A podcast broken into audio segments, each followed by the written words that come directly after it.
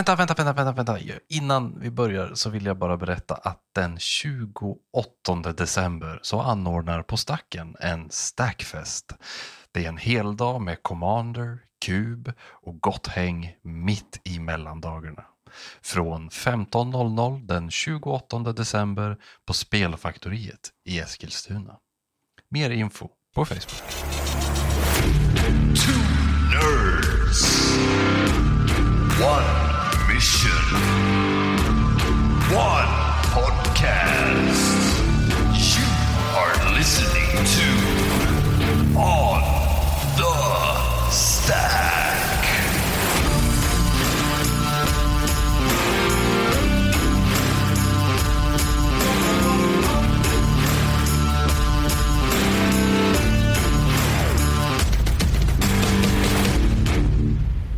Hej och välkomna till ett helt nytt och mycket speciellt avsnitt av På stacken, nämligen avsnitt 40 och början på På stacken 2.0 då. Jag heter Edvard och med mig här i studion har jag Harry, visst, exakt. Och det känns väldigt kul att eh, få ha lite av en nystart här som vi har pratat om tidigare. Jajamän. Så vi välkomnar ju dig, kanske en helt ny lyssnare, men minst lika välkommen är ju såklart alla våra trogna eh, fans då, får man säga så. Ja men absolut, som ska vara här och upptäcka vad det är vi har hittat på med våran kära podd. Mm. Vi spelar in på nya mikrofoner, men i samma gamla sovrum i Högdalen. Så allting är inte nytt, eh, men vad gör väl det? Eh, och vi, vi ser jättemycket fram emot att testa det här eh, nya upplägget då. Eh, och för de av er som saknar det gamla upplägget så finns ju de inslagen kvar. Och även för de av er som gillar vårt eh, tugg Mm. eh, på Patreon i ett Patreon-exklusivt avsnitt då. Exakt. Eh, där blir det lite mer personligt om vad som har hänt på sistone för oss i Magic och eh, även lite random takes då om Magic i form av show and tell. Men det här upplägget som blir kvar här är ju inte fy skam det heller. Definitivt inte, jag är övertygad om att det kommer bli bättre till och med, annars hade vi förstås inte gjort det här. Mm. Eh, vi är ju egentligen inte två. Eh, I studion är vi till exempel tre just nu. Vi har, vi har med oss, eh, jag tänker börja kalla ditt sovrum för studion nu om du inte visste det. Trevligt. Eh, vi har med oss eh, Sickan som är eh, en eh, svart labradoodle i eh, stor, mellanstorlek. Hon ligger och tittar eh, drömmande på mig och hoppas att vi snart ska vara klara med det här. Mhm. Och vi har också med oss i Örebro Kristoffer som kanske vill presentera sig själv kort, typ här. Tackar, tackar. Ja, visst vill jag det. Kristoffer heter jag, Blåtron och kubkonnässör. Och jag är också insyltad i det här härliga På stacken-gänget. Och medan jag ändå har dig på tråden så kika gärna in på Stackens YouTube-kanal när du har lyssnat klart på det här avsnittet. Och eh, vi hörs snart. Yes, eh, och eh, Kristoffer klipper alltså våra avsnitt och eh, är en klippa i podden och hans röst kommer flikas in lite här och där, eh, men då inspelad i efterhand där vi känner att han behövs. Exakt. Eh, eh, mm, självklart finns det undantag till den regeln. Vi tror ju och hoppas att Kristoffer kommer kunna vara med på plats också i några sammanhang. Det finns ju till och med planer på det ganska snart, att eh, Kristoffer ska hoppa in och göra lite, eh, rädda upp podden kan man säga. För en av de nya sakerna med podden, och vi ska komma igång nu, men en av de nya sakerna som du behöver veta om är att vi kommer släppa avsnitten var tredje vecka. Tidigare har det liksom släppts lite när det har funkat, eh, men nu är eh, tanken att vi ska släppa konsekvent var tredje vecka så att du vet när på stacken finns i dina hörlurar. Japp, tre is the magic number. Men för att hålla det vi har lovat ska vi också vara snabbare in i avsnittets tema och därför tänker jag att vi inte ska vänta längre. Nej, jag håller med. Det, det är bara att ösa. Det här temat kommer kännas bekant för många som har lyssnat länge på podden och då menar vi väldigt länge på podden. Vi ska nämligen tillbaka till grundtemat från tem- äh, avsnitt 1, vilket är varför du ska spela Magic. Det är lite annorlunda formulerat idag och förstås ett, ett annat innehåll. Eh, men vi kommer helt enkelt pitcha skiten ur Magic the Gathering och förklara varför det är världens bästa spel. Ja, exakt så. Eh, och det gör vi ju för att det här är just lite av en, en nystart, en liten remaster, en liten reboot. Visst, med all respekt för alla gamla avsnitt såklart, så har vi inte en clean slate kanske, men ändå en bra startpunkt för nya lyssnare och för eh, alla som kanske lyssnat förut, eh, men som vi hoppas kan vara ännu mer frekventa lyssnare framåt. Så, yes, vi kör. Om vi lyckas med det här avsnittet så tänker vi att det här är det perfekta avsnittet att skicka till en kompis som kanske har pausat sitt Magic-spelande eller som håller på och velar om huruvida de ska börja spela spelet eller inte. Eh, vår ambition är att förklara på vilka sätt Magic är roligt och eh, vad man kan förvänta sig av spelet om man väljer att sätta igång. Eh, och för dig som redan spelar Magic, kanske redan väldigt mycket, så kommer det vara en eh, trevlig kärleksförklaring till din favorithobby och där du får se om du håller med om vilka delar som är eh, bäst med spelet eller inte. Exakt. Och ett sätt för dig kanske att rättfärdiga att du lagt så mycket tid och pengar på kartongbitar.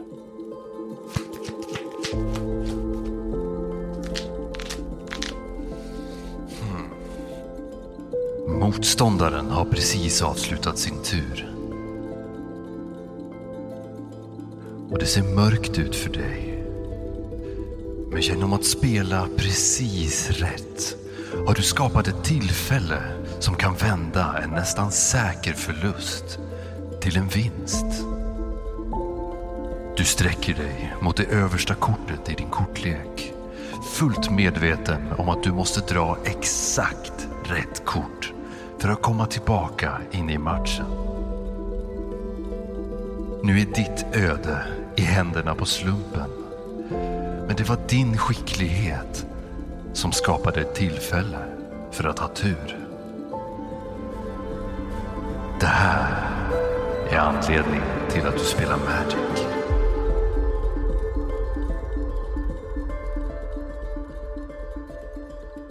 Det här påminner mig lite eh, om, eh, om en match jag körde på Arena också nyligen som var helt eh, eh, makalös. Liksom. Alltså sånt där som man verkligen blir helt Ja men du vet, du blir helt svettig. Du vet. Alltså, jag tänker så här, det finns ingen chans att jag kan vända det här. Jag var typ manatorskad liksom, så otroligt många runder liksom, och överväldigad. Och sen så bara, så bara fortsätter man, man drar perfekt liksom. Eh, och eh, och liksom jag tycker jag kör, jag har ju på Arena nu i standard så jag har kört en vit-svart eh, kontrolllek faktiskt. Eh, en vit-svart kontroll faktiskt som jag kör i bästa one för att straffa monoröda spelare. Det är extremt mycket removal och live gain. Ja. och sådär. Och jag har väldigt mycket planeswalkers eh, i den leken. Och det var motståndaren behövde liksom hantera att alla planeswalkers var på väg upp mot ultimate liksom. Och han fick typ, motståndarens enda chans var att jag typ skulle spela fel eller någonting. Så fick jag så här ulta Sorin, det har jag aldrig gjort förut, för att skjuta 13 exakt i facet. Just det. Ja. Eh, Proliferata, typ jag, han kontrade två spells. Den tredje spellen gjorde att Sorin proliferatade till ulti och eh, finishade jobbet. ja, men då, då kände man så, så där som i den här lilla texten. Ja, men Magic kan ju verkligen vara otroligt spännande och det kanske var svårt att tänka sig när man sitter och tittar på det utifrån. Liksom. Hur ska det här kortspelet kunna väcka så starka liksom, känslor eller förväntningar eller, eller ja, helt enkelt spänning? Eh, men när man spelar så är det ju ofta, även om det inte är mycket på spel, så blir det väldigt spännande man får verkligen liksom använda så mycket av sin hjärnkapacitet och sin list för att försöka hitta en utväg ur, svåra spellägen. Och eh, ofta så räcker det ju inte. Men det är häftigt de gånger det gör det. Alltså att man verkligen lyckas spela bra och spela rätt och spela tight och att det leder till eh, någon typ av framgång.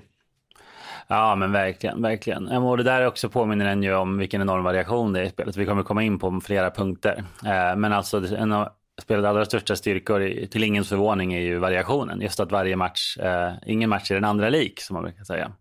Eller hur? Men eh, väldigt kortfattat då, hur man ska beskriva liksom spelet Magic i det enklaste av termer så skulle jag säga att det är ett spel som går ut på att du ska få din eller dina motståndare att gå från 20 eller 40 livspoäng till noll genom att eh, spela eh, kort från den leken som du har byggt eh, själv eh, på något sätt. Då. Eh, antingen genom att samla till dig kort eller genom att bygga den från, från boosters som du precis har öppnat. Exakt. Och genom eh, det mest liksom central, centrala temat i spelet så finns det utrymme för jättemycket eh, teman som du kan identifiera dig med och det är de fem färgerna. Alltså Magics eh, grundpitch var på något sätt det är från, från gamla Richard Garfield som, som grundaren eh, till spelet hette var att ett spel som handlar om fem elementala färger Ja eh, som på olika sätt symboliserar teman eller eh, Ja, filosofier, filosofier och, ja, och, och, speltyp, alltså spelstrategier och estetik såklart. och estetik. Eh, och och det, det är på något sätt eh, genom de här färgerna som spelet ofta kommer till liv. Visst är det så. Eh. Perfectly balanced, as all things should be. Eh, Så, så, så du kombinerar liksom din lek från kort med de här olika färgerna och, och försöker att hitta en strategi som, som kan utklassa dina motståndare. Ehm, ja, Nej men exakt, så det är väl grunden. Eh, och som eh, nästan alla som lyssnar på podden vet så är ju det bara att skrapa på ytan, eller hur? Alltså för det här spelet gömmer ju ett enormt djup liksom. Men, men som du säger, grunden är, jag skulle inte gå så långt som att säga att den är enkel, för det är fortfarande ganska svårt att komma in i. Men jag skulle säga att grunden, att lära sig grundreglerna och liksom grundkoncepten är ju överkomligt i alla fall. men Med en bra precis. lärare så, eh, och så behöver du kanske inte mer än en halvtimme, timme för att börja fatta liksom, ja, men igen, grunderna liksom. Men det, jag skulle säga att spelet är lätt för att det är intuitivt. Alltså det är mycket Jo. i spelet som är intuitivt. Det står ofta på korten ungefär vad de gör. Mm. Du testar dig fram, du lär dig väldigt snabbt i början. Och du upptäcker också väldigt snabbt att det finns ett djup och ett, en utmaning i spelet. Vilket skulle kunna vara till dess nackdel, men det visar sig ju för de flesta att det är precis tvärtom. Att det är just det som är så kul. Alltså den här upptäcktsresan, där du ska liksom upptäcka den enorma kortpoolen. Alltså det finns 30 000 unika kort eller något sånt. Det är helt otroligt. Mm. Eh, där du får upptäcka olika sätt, alltså reglerna i spelet och hur de interagerar med varandra och hur korten fungerar. Och det är ju det på något sätt som gör, alltså först är det lätt och intuitivt och det fortsätter på många sätt att vara intuitivt. I kombination med det här djupa och komplexa, det är där eh, den så kallade magin händer skulle man kunna Ja. säga. Ja, men det får man verkligen, får man verkligen hålla med om. Så är det ju. Eh, Så är det. Jag tror att många känner sig överväldigade, men kanske ibland på ett positivt sätt. Alltså snarare den här känslan av åh, du vet, alltså på engelska, vad heter det på svenska? Men, Eh, ja men visst, man, man blir förundran häpnadsväckande, ja, förundrande. Liksom. Ja, exakt. Av att just tänka på så här att när du, när du kommer på att två kort funkar bra ihop och sen en till och sen en till och sen en till liksom. Eh, och öppnar upp och börjar fundera på, men vad händer om jag lägger till en färg till? Vad händer om jag, om de här två liksom kombineras? Eller vad händer om jag har en lek med bara, eh, vad vet jag, hydror eller goblins eller Ja. alpackor? Nej, det kan man inte göra än, men ja. Precis, och det känns som att det är just det som gör att det kan bli så himla spännande matcher också. Alltså hade spelet varit jättelätt så hade ju matcherna väldigt ofta varit förutsägbara. Det hade varit lätt att spela perfekt. Eh, Men det är det som gör det, det är så otroligt svårt. Att även de som Ja. är bäst i världen på det här spelet spelar fel. Absolut. Mycket mindre fel än vad jag gör. Jo, jo. Men de kommer spela fel ibland och det är det som skapar den här fantastiska dynamiken som gör att det är värt att sätta sig ner och blanda leken och dra sju kort och sätta igång och spela. Mm.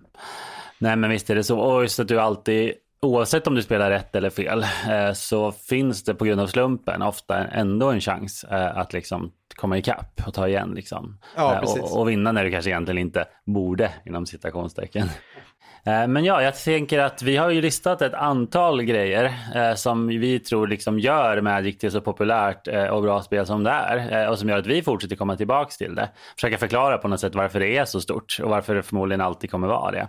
Ja. Eh, trots Wizards många tveksamma financial decisions och sådär. Men det är inte det vi ska fokusera på idag. Inte Kanske idag. kommer ett neggo-avsnitt sen också. Jag tänker, det finns bitterhet även hos oss. Absolut.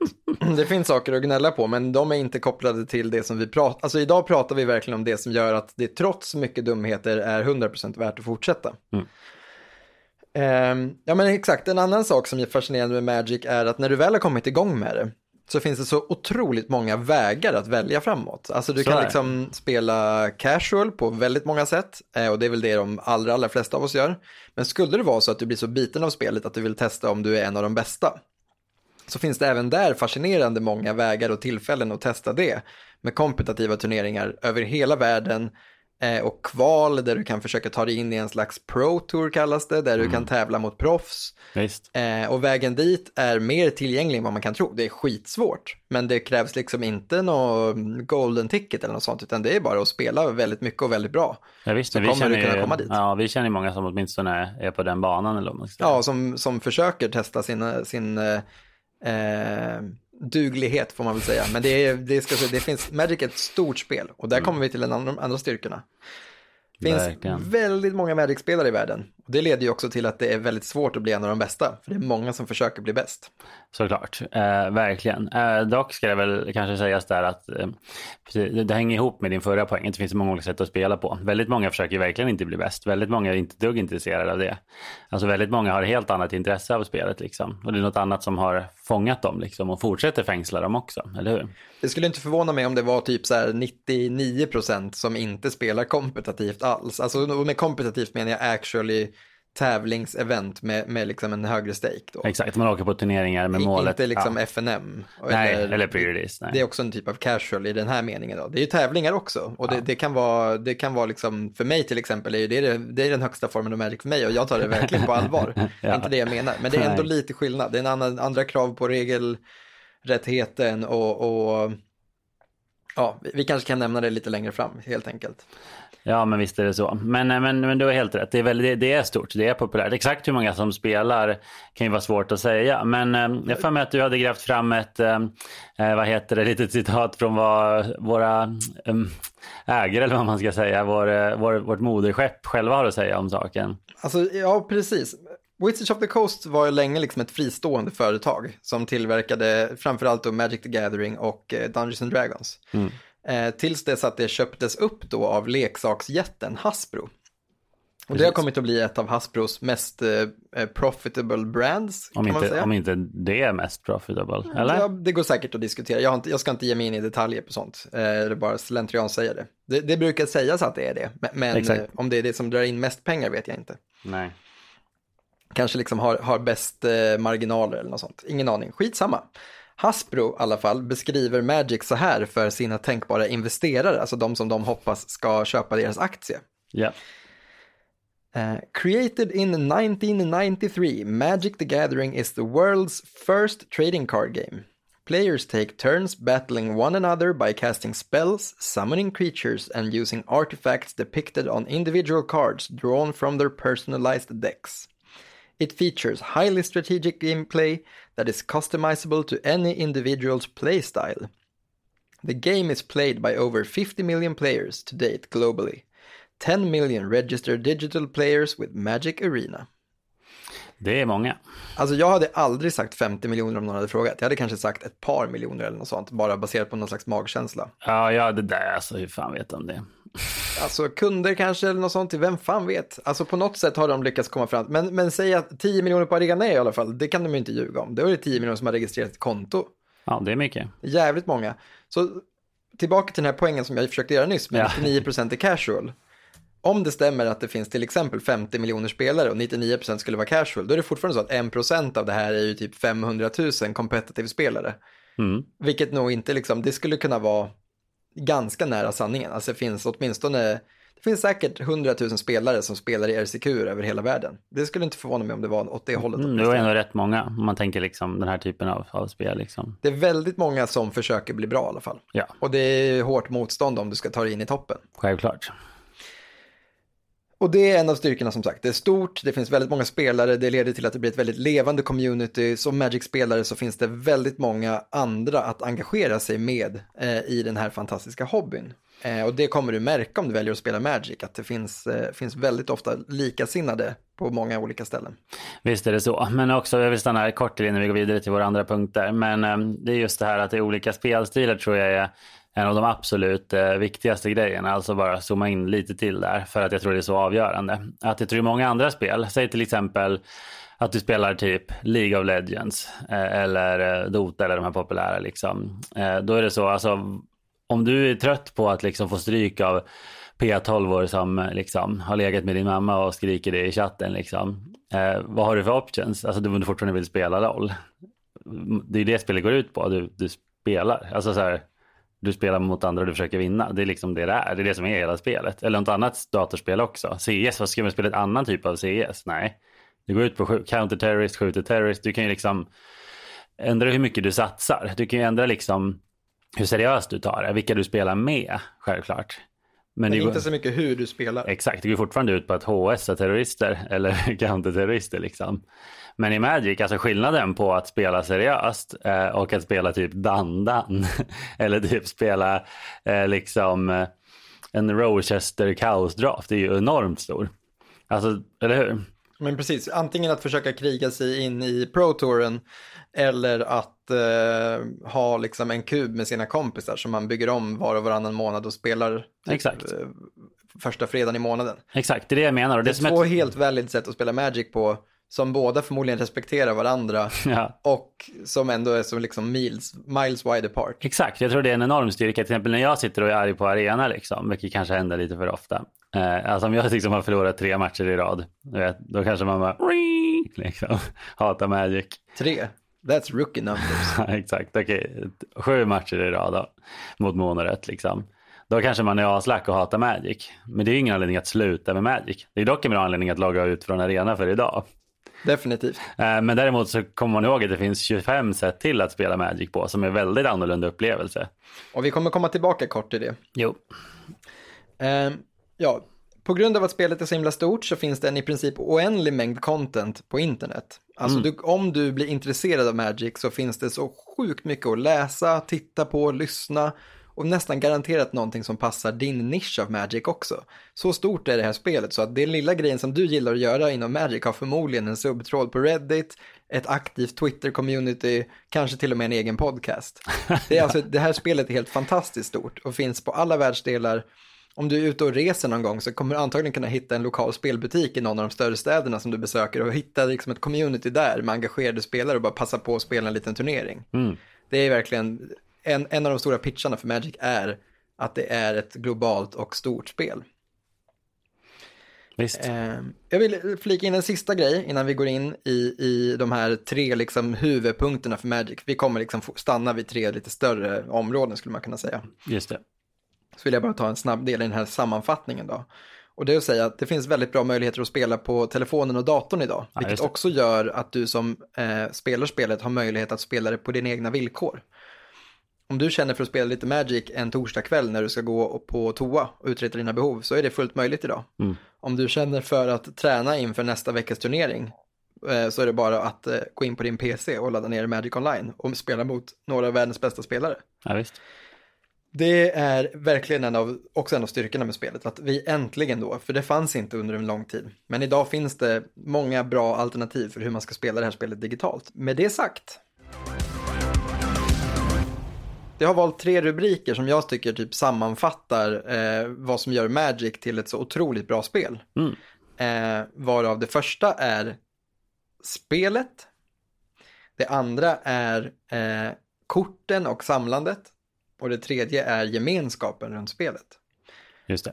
Vi kommer försöka ringa in de här tre och förhoppningsvis lämna er med en fantastisk känsla inför Magic the Gathering och en bättre förståelse för varför du gillar det här spelet så mycket och varför andra borde gilla det mer.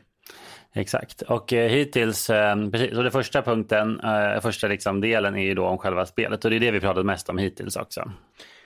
Det är det.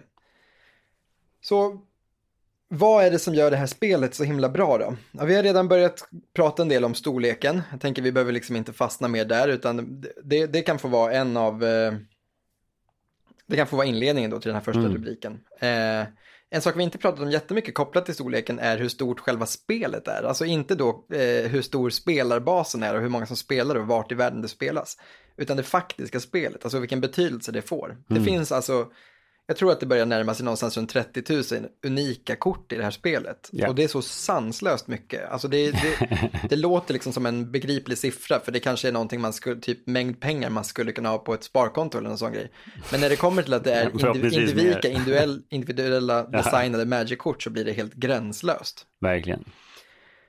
Det betyder att du i din lek kan ha en, alltså löjlig mängd kombinationer av kort. Ja, För din lek ska vara mellan astronomiskt, 60 och 100 ja. kort. Ja, det är ju gränslösa siffror. Och om du får, precis, får du kombinera fritt mellan de här så kan du, det finns ingen, finns ingen logisk mängd kombination liksom som du ens kan börja begripa för de här korten. Och din motståndare kommer också ha en lek som har byggts med samma förutsättningar. Och där någonstans börjar vi närma oss en av de fantastiska sakerna med Magic. Varje match blir unik. Ja, men exakt. Visst, det kommer finnas ett meta ibland och vissa kommer bygga sina lekar på exakt samma sätt. Men även då kommer det uppstå unika situationer för att ni drar korten i olika ordningar och väljer att spela ut dem på olika sätt. Ja, visst. Och någon har ju troligtvis eller förhoppningsvis eh, tweakat och ändrat och donat med sin lista på ett sätt som du kanske inte var beredd på. Om de är smarta. Ja, Exakt. Och det här är eh, en av de stora styrkorna i spelet, för det förändras hela tiden på grund av det här. Inte alltid bara med nya kort, det kan liksom vara att folk gräver fram något gammalt kort som helt plötsligt får en impact på spelet. Något som kom Mm. för fyra fem år sedan och som nog knappt märktes när det kom. Och som kan kombi- kombineras med ett helt nytt kort eller eh, som blev bra för att ett nytt kort kom och det här är det perfekta svaret. Ja. Och här närmar vi oss liksom en av sanningarna till varför Magic blir så fantastiskt och gör, alltså, väcker så mycket intresse, framförallt kanske hos nya spelare också. För att man inser liksom, man får åka på den här fantastiska upptäcktsresan med så här, finns det ett kort som gör det här? Ja, damn Ofta- right, det gör det. Oftast, ja. Och så blir man istället till slut nästan förvånad när det inte finns ett kort som gör det man vill att det ska göra, för att det känns som att de har gjort allt. Ja, visst. Men det har de mycket. Just för att verktygen också och grundförutsättningarna är ju så stora så att kreativiteten är ju långt ifrån slut. Eh, vilket är en av de saker som ger mig mest liksom, hopp och glädje för framtiden. Alltså, nu tycker jag ju igen, det är så svårt att inte nämna att så här, ja, det släpps kanske för mycket produkter nu. Men kreativiteten har ju inte sinat. Alltså det är ju väldigt mycket överraskande kortdesigns fortfarande. Liksom. Eh, och inget, finns inget tecken på att det håller på att sakta ner. Eh, Så det är ju väldigt värdefullt, så är det. Det är det verkligen. En annan jättestyrka i Magic som vi redan har varit inne och, och eh, pillat lite på då, eh, är ju det här med att det finns massa olika sätt att spela spelet på och att det Ja. också blir en stor styrka. Exakt. Som exakt. ny spelare skulle jag kunna uppleva det som kanske lite förvirrande eller, eller avskräckande. Alltså att det finns liksom alla de här, det kallas för format, vilket helt enkelt betyder eh, ett ramverk för hur man spelar spelet. Eh, så när vi sätter oss vid ett bord för att spela så börjar vi kanske med att säga vilket format vi spelar. Och då Ja. kan det till exempel vara att vi säger vi spelar formatet där man får spela med alla kort som någonsin har släppts. Eller vi får spela med de korten som har kommit de tre senaste åren. Exakt, eller exakt. vi spelar med de korten som vi öppnade i boosters idag. Ja, det är liksom precis. tre Precis. grova indelningar kan man säga. Ja, exakt. Det är ofta bundet till vilka kort du får spela. Men det kan ju vara annat också. Det kan det verkligen vara. Ja, men i stort sett det absolut vanligaste är vilka kort du får ha med och hur Ja. många.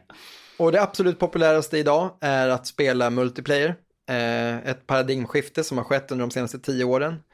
Eh, och idag spelar man nästan oftast eh, något som heter Commander. Mm. Eh, vi, vi kommer kunna nämna det lite kort, det kommer behöva släppas nya, vi kommer behöva släppa fler avsnitt om Commander och vad det är och hur, liksom, varför det är bra i sig, för det är Ja. ett så stort ämne. Exakt, men nästan alla som lyssnar har ju kommit i kontakt med det eller spelat det i tio år. Och det har väl liksom blivit det perfekta sättet att spela casual magic på kan man väl säga. Det är liksom eh, köks, det, det som brukar kallas för köksbordsmagic, liksom incarnate. ja, verkligen. Ehm, Verkligen, ingen spelar ju på ett annat sätt om man spelar liksom fyra stycken bara för kul eh, på en eftermiddag. nej, precis. Och det är just den här också formaten, det skulle ju liksom kunna vara förvirrande, men det blir en sån enorm styrka för spelet. För det gör att om du inte gillade det första du kom i kontakt med så kan du liksom testa något nytt och sen testa något nytt och sen testa något nytt och sen testa något nytt inom liksom samma tak, under samma tak som i spelet. Så du kan liksom fortsätta upptäcka det här spelet om och om igen Ja. tills du hittar din, ditt favoritformat och vart du vill spendera din Magic-tid liksom. Exakt, och det dumma eller bra beroende på. för vissa kan du känna det dumt ibland, men det är också en styrka i det är ju att sen så omvärderar du ju. Sen så kanske ditt favoritformat inte är din favorit längre. Och du kanske hittar tillbaka till något annat för att eh, saker har ändrats. Det har släppts kort och strategier som du inte antingen inte tycker om eller som du bara känner att du inte har råd att investera i. Och sen inser du, ja men de här korten som jag tycker om är ju superbra i, ett, i Pioneer nu. Ja, och då hoppar man dit kanske. Verkligen, och det tycker jag är Ja, men ett fascinerande exempel är ju en, en i mina mått mätt då, nyare spelare eh, på hemma på butiken som heter Jessica, Mm. eh, som har spelat Magic kanske 3-4 år. Hon, hennes två favoritformat, det säger liksom ändå någonting om hur fan, fa- alltså fantastiskt Magic är. Hennes två favoritformat är dels det ganska nya formatet Pioneer, Ja, där du får spela med kort eh, som är ganska nya då skulle jag säga. Så dels är formatet, det kom till för typ 4-5 år sedan. Mm. Eh, och låter dig spela med kort från de senaste 10 åren bara. mm. något sånt. Eh, och hennes andra favoritformat är pre-modern. ja, Som låter dig spela med kort från Magics 10 första år istället. ungefär ja. Mm. Ungefär, Mm. grovt sagt. Så Gamla kort. Det är så roligt med någon som hittar hem med de här två olika liksom, formaten som har helt olika, kanske motsatta begränsningar. Ja, ja, ja. Nästan inga kort överlappar i. Nästan inga kort överlappar och det är verkligen Magic på så olika sätt. Eh, men ändå känns det helt rätt på något sätt. Alltså, ja, eh, jag tycker att det är väldigt talande för hur, hur Magic kan liksom hitta hem i folks hjärtan på olika sätt. Ja, verkligen. Eh, kärlek till det gamla, kärlek till det nya, men inte det gamla och det nya tillsammans. Nej, inte för henne i alla fall. Nej, det är viktigt att hålla det isär. ja, tydligen. Ja, Ja. det är fint. Eh, yes, Ja, det är väl typ lite det om, om eh, spelet då. Alltså, Nej, men, i alla fall om, om hur storleken är positiv för spelet. mm, just det. Jag tänker att en annan sak är just det här med komplexiteten som vi nämnde i början då. Alltså Jo, komplexiteten är väldigt viktig att, att eh, nämna igen för att det är det som ger spelet så mycket djup. Alltså, Visst. i, Wizards har ju i omgångar, alltså, eh, speltillverkarna har i omgångar försökt att göra enklare versioner av spelet för att liksom kunna locka nya spelare. Och har ju kanske till slut då lärt sig att de enklare versionerna inte lockar nya spelare just för att det är komplexiteten som väcker den här nyfikenheten och gör spelet roligt och till det det är. Verkligen. Och ingen vill ju inte spela något urvattnat. Alltså det känns inte coolt liksom. Alltså, Nej, det ska jag spela konstigt. barnversionen av någonting? Du vet. Det, Nej, och det känns lite som att man daltar med spelarna Ja. på något sätt. Och det, jag tror att det var Commander som verkligen övertygade dem om att det här var fel strategi. För Commander är ett, fyr, ett format med fyra spelare som tillåter kort från hela Magics historia. Och som har ett kort, alltså regeln är att du bara får spela en av varje kort eh, i leken. Det blir liksom maximal komplexitet på något sätt. Det finns inget format som kan erbjuda så röriga och konstiga board states, liksom, eller så konstiga lägen, så sjuka alltså regelinteraktioner. Och ändå är det där nybörjarna befinner sig. Det är där Ja. nybörjarna hamnar och det är där de älskar att vara. ja, tydligen. Och det förvånade många. Men nu när du säger det så, för, så börjar ju nog fler och fler förstå varför det blev så här liksom. Och vad Ja. som lockar. Och det blir liksom att den här komplexiteten inte är ett problem utan det istället visar sig vara liksom själva kärnan. Alltså det är de här små pusslen man får sitta och lägga som gör, folk, eh, gör att folk älskar Magic. Mm. Nej men så är det nog. Det tror jag Och- verkligen. Och Magic är ett extremt komplext spel. Eh, det kan, som, återigen, det kan låta avskräckande, men ni kommer snabbt upptäcka att det är det som är tjusningen med det. Det är liksom varje gång man lyckas lösa ett sånt där litet pussel eller förstår någon ny liten komponent och det fortsätter man att göra hela tiden. Så, så eh, det är så himla belönande. Visst är det så. Och jag tycker att, och en annan sak som gör att det ändå funkar är ju att, som du nämnde tidigare, att även proffsen gör ju fel. Så att en nybörjare får ju inte tro att det finns ett krav på att spela felfritt. Eller att, alltså varken från communityn eller för att vinna. Alltså du kan ju spela fel ett par gånger och ändå vinna liksom. Oh ja. Mycket beroende på såklart vilket format och vilken lek du har och så vidare. Alltså du kanske inte ska spela de krångligaste lekarna om du är ny liksom. Det borde ju avrådas från. Men ändå, eh, det är helt okej. Och Jag menar du och jag, vi har spelat otroligt länge får man ändå säga. Eh, men jag tror ingen av oss kommer ihåg exakt hur layers funkar. Nej, Eller ens hur banding Jag har funkar. försökt lära mig i detalj. Nej, eller ens hur banding funkar nu igen. Vilket är, ja, nej men precis. Det, Eller kanske har vi glömt bort exakt hur bara den nya mekaniken craft funkar. Du vet, det var flera på pre-releasen liksom som så att säga, vad får man ta något från spel? Jag trodde man bara fick ta från graven. Exakt, Nej, men det är också en väldigt rolig grej med komplexiteten, att trots att man har spelat spel så länge så kan man fortfarande liksom bli slagen på fingrarna av saker som för någon annan kanske är helt basic. Alltså till exempel här om eh, månaden så skulle jag försöka vinna då med min eh, stormlek i Legacy. Mm. Var, och rundan innan, jag skulle, storm är liksom en kombolek, så man sätter upp ett kombo och sen försöker du göra det kombot. Och rundan innan jag skulle göra mitt kombo, alltså vinna matchen helt enkelt, så spelade jag ett kort som heter Thoughtseize och som låter dig titta på motståndarens hand och plocka bort ett av deras kort. Mm. Väldigt stark klassiker. Så jag tittade på deras hand, det fanns två kort som eh, oroade mig. Det ena var en, eh, en typ av kontring, eh, en, en vanlig sorts kontring. Och det andra kort, men den kunde jag teoretiskt sett hantera. Man kan betala för att den inte ska, betala mana för att den inte ska funka. Och det andra kortet var en stifle. Och den tänkte jag, eh, ja men det här, det här är lugnt. Jag har en eh, Veil of Summer på handen. Så eh, jag tog bort eh, vanliga kontringen så de inte skulle kunna kontra min Veil of Summer. Mm. Eh, och eh, Veil of Summer, skitsamma vad kortet gör, ni som vet, ni vet. Ja. Eh, jag tappar upp för motståndarens tur, eh, spelar min eh, stormspel, eller går av, spelar min stormspel och med stormtriggern på stacken. Storm är alltså en ability som säger, triggar liksom. Återigen, om det här inte makes sense, börja spela Magic så kommer ni fatta. Eh, Om några år förstår ni. med, med stormtriggern på stacken så stiflar de min stormtrigger, varpå jag svarar med Veil of Summer och inser att triggern får ju inte hexproof. Nej, det är sant. Eh, Triggern kan bli kontrad. Ja, jo, det blir så. För, för det är liksom spells och permanents som skyddas. Ja. Och en trigger är inte en spell. Nej, nej, nej. Stifle går igenom och dessutom kontrar hela min spell. Eller hela min storm. Så det var verkligen horribelt. Jag kunde ha tagit den med Thoughtseize. Jag hade liksom alla chanser att vinna den matchen. Jag bara förlorade. Eh, på grund av det så fick jag ett ganska mediokert resultat i den turneringen. Jätteintressant. Jag har spelat det här spelet alltså snart i 25 år liksom. Och sådana här saker slår mig på fingrarna fortfarande. Visst. Kunde, Jag har mycket att lära mig. kunde du sova den natten efter den? Ja, för att jag blev glad för att jag hade lärt mig något nytt. Jag faktiskt på riktigt genuint blev glad att så här, shit, det här visste inte jag. Fan vad bra, nu kommer jag inte göra om det här misstaget. Eh, så det får man är beundransvärt om det stämmer. Alltså jag kanske blev lite besviken precis när det hände, men sen insåg jag direkt att jag hade ingen aning. Jag tänkte inte ens på det. Hur skulle jag kunna spela bättre? För- Alltså förutom, utan att göra det här misstaget och lära mig. ja. ja, just det. Ja. Mm. Ja, men jättebra exempel. Eh, verkligen, verkligen.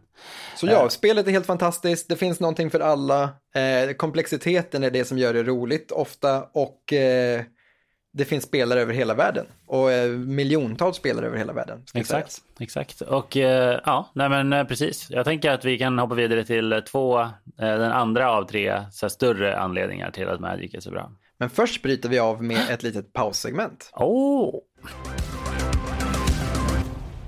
Yes, eh, vi har här ett litet, och jag menar verkligen litet, roligt eh, segment som vi vill testa. Eh, Precis, vi har ju sorterat bort lite av de här extra segmenten. Eh, men vi vill fortfarande ha någonting som bryter upp podden lite. Och då testar vi lite nya korta segment som ska gå att klämma in som blir liksom mellan en till fem minuter istället. Japp. Eh, och alla goda idéer är stulna som man brukar säga. Exakt så, eller ja, jag vet inte. Vi, vi, jag vill ju påstå att jag kom på den här idén helt själv. Du menar att andra redan håller på med det här. Ja. Så är det verkligen stulet om vi bara har samma idé som andra? Exakt, så sa ju också hon som skrev Hunger Games. Att hon, jag har inte sett Battle Royale. Exakt, man kan faktiskt komma på samma idé som någon annan helt själv. Jag har eh, experimenterat med ett namn till det här segmentet och jag tänker att eh, det ska heta Kort och gott. Vi kommer att eh, slumpa fram ett kort på Svenska Magic. De har en funktion för det nämligen, slumpa fram ett helt random kort från Magics historia. Och så kommer vi prata kort om det. Ja, ett par minuter. Mm. Eller kanske mindre om det är riktigt tråkigt. Vem vet, vi kör. Vad fick vi för något idag Harry? Jag har inte sett det hittills. Idag fick vi så mycket som ett nytt kort faktiskt. Eh, vad lustigt. Eh, Lobelia Sackville Baggins, alltså ett kort från Sagan om ringen-sättet. Okej, jag har ingen aning. Help me out Ja, here. jag vet faktiskt vad den gör, för jag var nära att lägga in den i en EDH-lek. Eh, och också en till anledning att hon är lite intressant, men det kommer vi till. Eh, vi har alltså här en 2-3 med Flash och Menace. För två mana och en svart, så totalt tre. Tre mana då, två, tre, så hyfsade stats. Menace, Flash, 3-2. Helt okej. Ingenting- Inget galet nu längre. Eh, när Lobelia kommer in i spel så får den exila en creature från en motståndares graveyard eh, som åkte dit den här rundan. Från Battlefield. Så en creature som dött exilar hon direkt. Just det. Nu börjar det låta bekant. Ja, och om du gör det då så får du skapa eh, X treasure tokens eh, där X är kortets power. Ja. Någon slags superond hob. Japp, och jag läste ju nyss den första Sagan om ringen-boken så jag vet ju vem det här är. Och det är Hon är för- inte med i filmerna alls. Nej, alltså, jo, men hon har ingen lines eller något. Hon typ dyker upp i bakgrunden och typ Bilbo säger hytter åt med näven åt henne tror jag. Hon gör en liten cameo. Japp, men Lobelia eh, har ju då till, eh, eh, hon är då en, egentligen, hon är inte egentligen ond. Det, här, det här är, de, gör henne dirty här faktiskt. Eh, men hon är liksom inte så charmig kanske. Alltså Lobelia och hennes man vill väldigt gärna lägga vantarna på Bagen, så alltså Bilbos hus. Ja. Eh, och de, han, de har längtat liksom, de har fått för sig att de har rätt i det huset typ. Eh, och Bilbo menar väl att det inte stämmer. Men när han då åker försvinner efter sin 111th birthday så vad heter det? Så fixar ju Lobelia hennes men de, de eh, står först i kön och armbågar sig in för att få köpa huset då. Just det. Eh, Ja, så det är egentligen bara det, att de vill ta någon annans ägodelar här då. Eh, Det är därför de representeras på det här sättet antar jag. Så det är ju flavor, det är flavor, tanken är ju rimlig. Men det är lite... De försöker profita på att han har dragit liksom. Ja. Okej, eh, var, visst var den här med i liksom huvudsättet Lord of the Rings? Ja. För jag vet att jag typ har försökt drafta på den här någon gång och så har det bara inte funkat. Man får inte göra grejen. Eller det är för liten chans att man får göra grejen och när man väl får göra den så har man redan en massa mana. Det kändes aldrig bra. Nej. Det är nice med en flashgubbe dock. Ja, och ibland i Commander så det finns självklart, jag tror jag skulle kunna lägga in den här i min monosvart artefaktlek för att man ibland liksom skulle kunna få in en 3, 4, 5 eller mer treasures. Alltså bara Och öka, Treasures är väldigt bra i den artefaktleken. Ja. ja, bara öka antalet artefakter dramatiskt snabbt liksom. men absolut, och där är det större chans att någon stor grej dör eh, utan att man själv har behövt spendera mana för att göra det och att man har råd liksom och bara snika in henne. Ja, så där, där har vi henne. Ja, Lobelia alltså. Det här kommer ju bli ett coolt segment tror jag, för det, kommer, det finns så mycket random kort att det kommer liksom, man vet aldrig. Herregud. Så är det. Men eh, var det allt då? Det var väl För eh, vad hette det nu igen? Kort och gott. Ja. Exakt, den andra rubriken som jag i alla fall tänkte på var, och den här tror jag betyder mer för dig än för mig, så det är lite, lite intressant, för alla delar kommer liksom inte vara lika viktiga för alla spelare. Och Nej, det är nej. själva korten och samlandet. Just det. Nu har vi pratat om spelet, liksom, interaktionen mellan korten i en match och liksom hur det känns. Mm. Alltså, mekanikerna liksom. Ja, och aktiviteten att åka någonstans och spela och så. Ja, visst. Eh, men korten och eh, samlandet är en helt central del till varför Magic är ett så fantastiskt spel och varför det har varit en sån framgång. Visst är det så. Och det där tänker man kan börja med att säga just att det är ett samlarkortspel. Eh, och det är för oss som spelar Magic så är det en självklar hobby och en självklar grej. Men det har det inte alltid varit. Utan Magic var ju det första av sitt slag, åtminstone det första som blev något. Det kanske finns någon i någon källare i någon by som påstår att de gjorde något innan. Men De själva påstår i alla fall att de är det första TCG. Ja, exakt. Och ingen verkar kunna disputa deras claim. Men exakt, trading card game eller collectible card game eh, är ju liksom att eh, ett spel där du till skillnad från normala spel då när du har ett, eh, ett spel i en Och om du kartong. köper talisman så Ja. har du liksom talisman. Exakt, eller monopol liksom, eller vad det nu är. Då är det det du har och alla får vara med. Alltså, om, och sådär. Men Magic är ju något annat, eh, precis som andra samlarkortspel. Utan där eh, så har du inte bara en låda med alla, alla spelets eh, liksom mekaniker och alla spelets modeller och eller vad det nu kan vara. Utan du samlar aktivt liksom på dig de kort du vill ha och använder just de korten. Alltså, du bygger upp en samling och det blir din liksom Magic-samling som du kan bygga massa olika typer av lekar med eller vad du nu vill göra. Och det är genom den samlingen och kanske genom att låna kort från dina kompisars samlingar som du bygger dina lekar oftast då. Som Exakt. du sen spelar med. Exakt, och det hänger ihop med vår stora förra punkt, variationen. Liksom, att vi vet inte vad vi sätter, när vi sätter oss ner vet vi inte exakt vad vi kommer att möta. Liksom, eftersom att det- kombinationen av kort är så många. Ja. Men du kan ju också, det självklara för oss och för många är att samla på sig kort man vill spela med. Men det är ju inte heller det enda. Det kan också vara att du samlar ihop korten du gillar eller som du tänker ska bli värda mycket pengar sen eller någon sån. Ja visst, Eh, jag tänker på, liksom på skolgården när vi började, när Pokémon kom eh, på slutet av, liksom, för oss var det slutet av 90-talet, i början av 00 kanske, där någonstans. Eh, Ja. När jag gick i, i kanske låg mellanstadiet och så, eh, så var ju Pokémon the shit liksom. Eh, och det var ingen som visste hur fan man spelade det. Och det känns som att det knappt är det idag heller.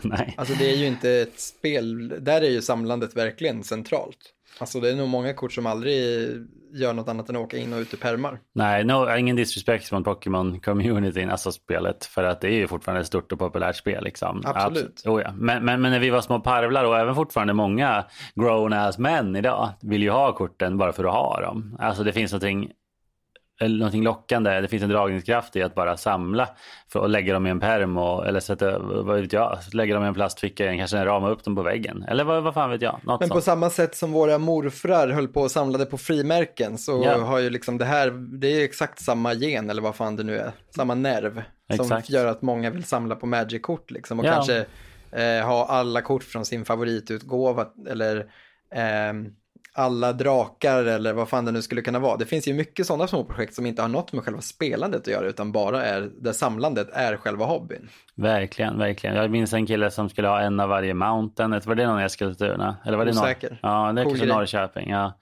Alltså av alla olika arts någonsin liksom. Mm. Eh, och jag har haft små, små, små projekt också. Eh, Alla foilade moonlays liksom. Eller om du älskar något Magic-format, säg att du älskar Legacy så kanske du bestämmer dig för att säga, men jag vill ha all, ett playset av alla kort som är spelbara i Legacy. Mm, så att jag alltid ja. kan bygga alla lekar. Det blir också ett sjukt samlarprojekt som du kan hålla på med. Men- Men, där samlandet ändå hamnar i fokus, för du kommer garanterat aldrig använda alla. Men det är någon slags idé om att om jag har alla så kan, behöver jag aldrig liksom, eh, kommer det aldrig hindra vilken lek jag spelar. Nej, eh, så är det nog. Eh, så, så är det nog. Eh, så ja, det är verkligen en grej. Alltså även baseballkort, hockeykort och fotbollskort i USA var ju populära redan. Och hur länge sedan kan det ha varit liksom? Ja, det är typ också 80-tal tror jag framförallt. Men innan det jag hade vi ju sådana här filmisar, om Ja. du vet. Det är också våra föräldrars generation. Ja. Det är olika filmstjärnor liksom. Så, Exakt. Så, Ja, Exakt, så, ja, så är det. Och det finns ju igen, det finns liksom hur mycket som helst. Så det är samlandet eh, bara för samlandets skull är en del av framgången, absolut. Det är genialiskt. Alltså, folk älskar ju som sagt att samla på saker. Väldigt många gör det i alla fall. Ja, och folk älskar att gambla. Alltså jag tänker på liksom att öppna paketen, hela idén med en booster liksom. Det är också jättefint. Ja, eller det är liksom genialiskt på något sätt. Ja, En mer, briljant kanske snarare idé. smart än fint. För det kan Ja, ju- fint är fel ord. Ja, för det är. Det är, det är elegant. Alltså det är, en liksom, Mm. det är en briljant grej. För att du vet inte vad du får och du vet vad du vill ha kanske. Och så Mm. liksom måste du öppna fler eller Japp. ja. Ja, det är väldigt smart affärsidé. Eh, Att det är gambling liksom. Man säger, vet, we're, we're, we're selling gambling to kids. We're printing money and gambling with, to the kids. Japp. Och här sitter vi och applåderar. Lootboxes långt innan lootboxes var en grej. Exakt, och här sitter vi och applåderar det. Oj, oj, oj. Mm. Nej men så är det ju. Och jag tänker liksom här kommer ju spelets långa och fantastiska historia in och gör det här samlandet så mycket mer intressant. Alltså vi har Ja. 30 drygt år av kortdesign som du kan hålla på och samla på på olika sätt. Och det skapar sådana fantastiska liksom, relationer till de här korten också. För för vissa av oss har de här korten funnits liksom längre än vissa av spelarna som vi möter på turneringarna. Oh, ja. Och det gör ju att det blir omöjligt för de allra flesta att hålla koll på alla kort. Och Mm. det börjar ju också, det kanske fanns en punkt i, liksom, i ditt liv där du hade koll på nästan alla Magic-kort. Ja, Men den just punkten ja, är ju faktiskt. lång gång nu när det har kommit så mycket nya kort. Och det skapar liksom Visst. Ja, det ändå är, någonting väldigt intressant. ja, I mitt fall är det ju är det, är det lite bitterljuvt eller vad man ska säga. För Ja, visst. Det, min identitet är ju hotad där av att vara den som vet vad all, nästan alla kort gör. Ja, du får väl plocka upp den någon gång när du har liksom sabbatsår eller något och försöka lära dig alla nya kort. Men det kommer bara bli svårare och svårare. Mm. Och det är också en sak som ger det så mycket karaktär spelet. Alltså att du bara eh, hittar liksom, du gräver runt i en skokartong med Magic-kort och hittar liksom ett fult gammalt troll från 97. Bara, vad fan är det här för kort? Aldrig sett det förut. Varför ligger han här och hånler åt mig? Mm. Och det är liksom, ja, det, det är så härlig gammal art från en tid där man tänkte annorlunda när man designade spelet för att det spinner, liksom, eller spa, det, spannet är så lång tid. Ja. Och det är ju liksom, det gamla möter det nya och ja, jag vet inte hur jag ska förklara på något annat sätt än att det skapar liksom en väldigt eh, häftig, eh, ja, visst. häftig plattform. Japp, jag tror vi måste gå vidare, men jag vill bara säga en kort sak till och det är just det här att historien är ju inte bara samla korten utan det finns ju otroligt mycket stories om typ så här events och liksom kända personer och liksom eh, missprints och du vet olika konstiga projekt och tabbar och samarbeten. som- Visste du till exempel, alltså på tal om det du säger nu, att Magic kan ha varit grunden till hela e-sport. Alltså att Magic var typ det första e-sports, pro- proto-e-sportsgrejen. När man livesände Pro-touren på vet du, det, 90-talet Ja, du på E ESPN. så. Ja, den delen av e-sport, streamingen ja. Mm. Streamingdelen av e-sport liksom kom, Magic var först med Oj. att streama spel, tävlingar i spel. Huh, nej, det kan det verkligen stämma? Ja. Det, det påstås det i alla fall, alltså att de var först på hela, alltså genom en sportkanal då i USA. Jo, jo. Jaha, du gick på tv? Det gick på Actual Jaha. TV kunde du kolla på Pro Touren och sen kunde du kolla på den på MTV efter ett tag. Då. Skithäftigt, eh, eller liksom nördigt och intressant i alla fall. Ja. Eh, Och som du säger, den här långa historien ger verkligen så otroligt mycket karaktär till spelet. Ja, ja visst. Alltså det finns ju liksom citat bara typ så här som folk bara alla kan. Du vet så här, folk bara oh, two explores. Någon bara oh my god it's lightning helix. Ja, exakt. Eh, du vet och så här, och alla vet vad man Och det är menar. så mycket som är filmat också, så man kan Mm. göra liksom så mycket efterproduktioner kopplat till det här. Liksom. Det finns YouTube-kanaler som bara går igenom så här kända moment från Pro-touren och Visst, folk pratar om Brian Kiblers kavajer. Alltså där, det finns ju mycket som helst. exakt. Det är helt otroligt och den historien bara växer och växer. Ja. Yes. Eh, lore, en Ja, annan grej som annan inte punkt. har liksom med själva spelet att göra, men som har med Magic att göra. Mm. Och det är liksom 30 år av spel, fantasy-historia. Mm. Eh, bitvis bra, bitvis värdelös får man väl säga. ja.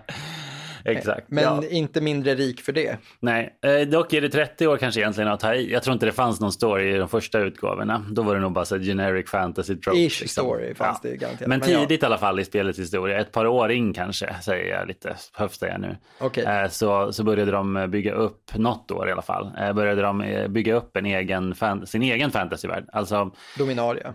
Ja, det som sen kom att kallas Dominaria och The Multiverse, exakt.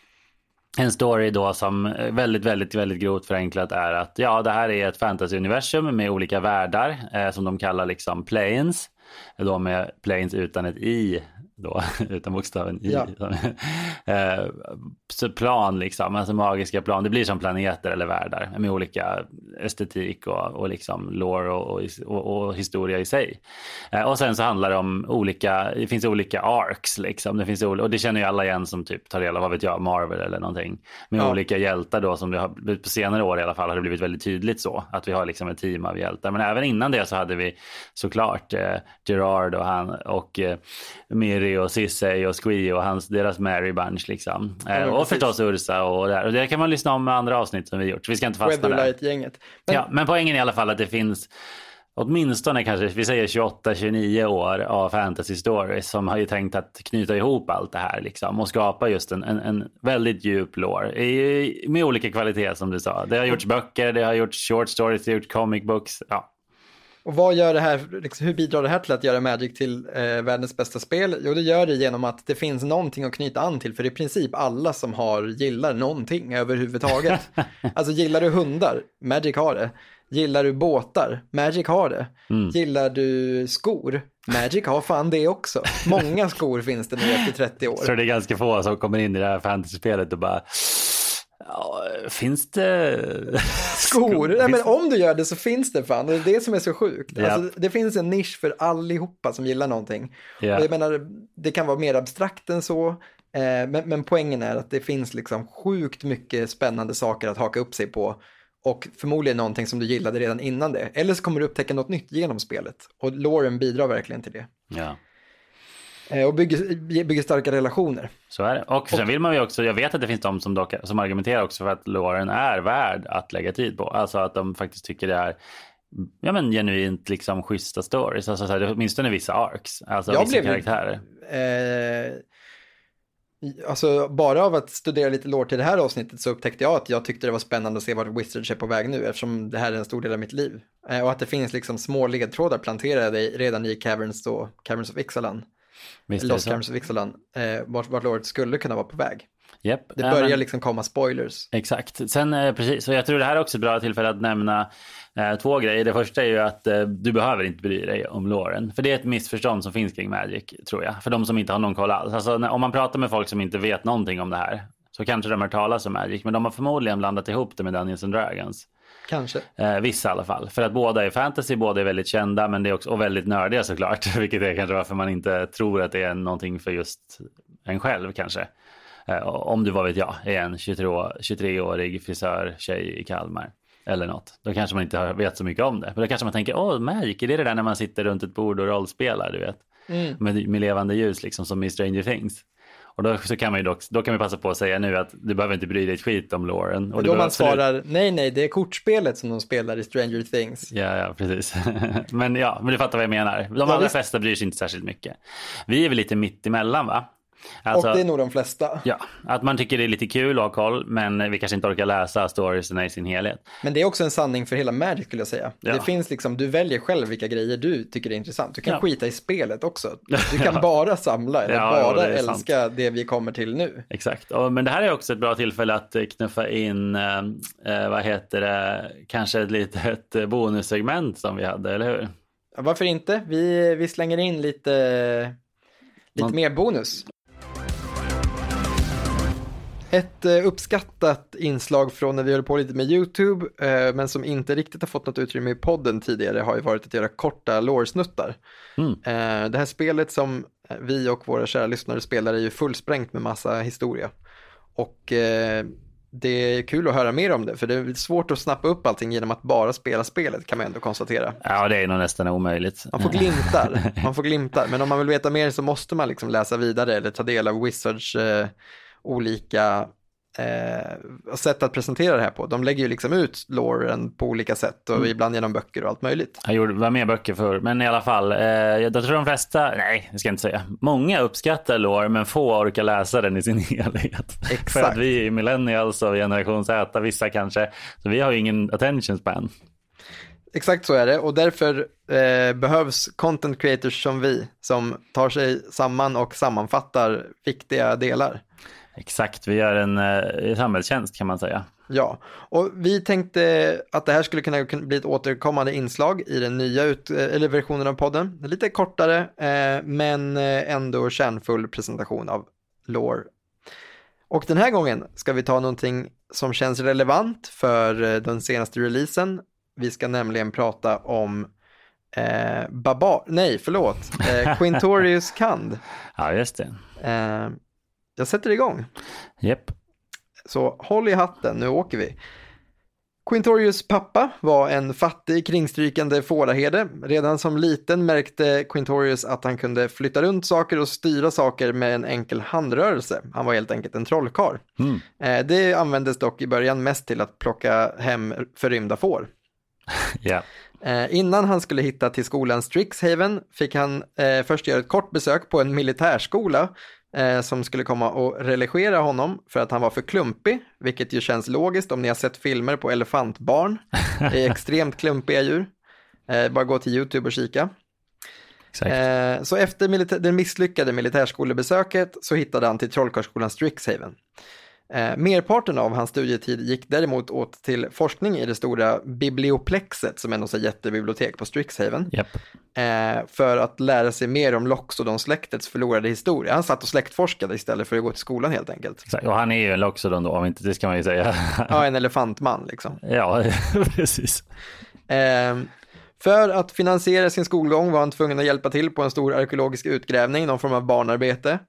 Eh, men han blev extremt rastlös. Trots att han är en sån himla bokmalonörd så har han liksom någon slags wanderlust i sig och den väcktes till liv. Mm. Och den rastlösheten skulle leda honom tillsammans med någon slags spökkompis eh, till upptäckten av den förlorade Loxodonstaden Santafar i grottorna i närheten av Ixalan. Ah. Eh, för, förlåt, i närheten av Strixhaven. Ja, just det. Eh, det är tydligen en del av Strixhaven-låren det här med att han hittar den här stan. Jag har missat det helt. Vi får kolla upp Santafar någon annan gång. Ja, jo, precis. Eh, men man ska passa sig för att fastna i skolbänken. Som, eh, man ska också vara ute och göra saker som, som eh, vad heter det, Quintorius här. Då Mm. hittar man coola grejer. Ja, visst. Eh, Fältstudie. sen kommer Quintorius tillbaka och det är när Strixhaven i Magic Loren, det blir Strixhaven blir invaderat av New Phyrexia. Mm. Som alla Eh, andra. Ja, alla blir invaderade av New Phyrexia, inklusive Strixhaven.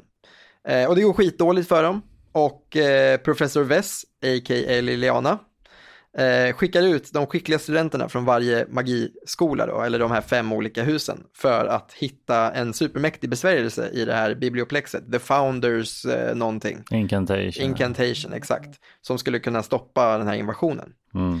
Eh, bokslukaren Quintorius var självklart med på uppdraget. När eh, de andra en av de andra studenterna misslyckades med att kasta den här mäktiga besvärjelsen, för de hittade den förstås, det är ändå magic.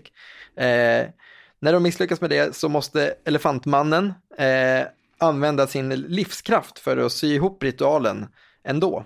Mm. Eh, och den här desperata eh, upplevelsen eh, väcker till liv Quintorius Spark. Ja, och. Magic har fått en ny Planeswalker i form av den här rödvita elefanten då, eller Precis. Loxodonen kanske man ska kalla honom. Då. Det är mer respektfullt vara- kanske. Ja, exakt. De föredrar det. De föredrar det. Mm.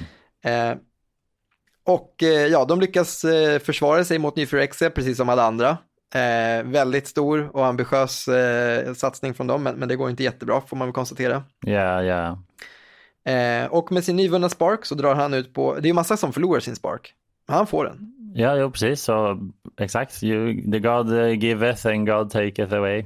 Och han ger sig ut på någon slags arkeologiskt äventyr i multiversum. Där han börjar undersöka någon slags interplanar uråldrig civilisation som han döper då till The Coin Empire. Just det. Han hittar massa så här signs kanske, som i någon Shyamalan-film. Ja, och det här är ju skit, alltså, ja, skitspännande, man kanske ska göra det, men det är väldigt intressant för det här kanske är någon slags siare om Magics framtid på något sätt. Mm. Alltså det här Coin Empire, är det, dit vi, är det det vi ska börja utforska nu och ta reda på vad det är och få liksom en ny eh, antagonist kanske, vem vet. Eh, så, hans senaste resa gick till Ixalan på uppmaning av Sahili Rai som tydligen håller på att dra i massa trådar nu. Mm. Hon har ju förlorat sin spark, Just det. minns jag det som. Just det. Hon får leva genom andra. Hon får till exempel leva genom, genom eh, Quintorius här då. Ja. Han drar dit för att ut- utreda en förhistorisk civilisation då, som ska ha funnits där. Med hjälp av bland annat Huatli och eh, lite andra locals på Ixalan så lyckas han ta sig in i underjorden eh, genom att lösa något svårt pussel. Eh, men där blir han och en tribe av merfolk som han börjar hänga med. Eh, The River, Rivers Någonting? Heralds eller något. ja, River Heralds. Eh, överfallna av massa mycoids och de tvingas fly allt djupare ner i någon gammal underjordisk ruinstad. Mm. Ett besök som slutar med att fladdermusguden Atlasots frigörs. Och det här börjar kännas väldigt mycket som en Indiana Jones-film. Ja, ska jag inte. Eh, Eller Uncharted-spelen om någon har kört dem. Exakt, och Atlasots tillsammans med alla de här vitsvarta vampyrerna eh, som han förvandlar till demonvampyrer eh, börjar göra någon slags, eh, utgöra någon slags stort hot då mot allt levande på Ixalan. Inte kul. Nej.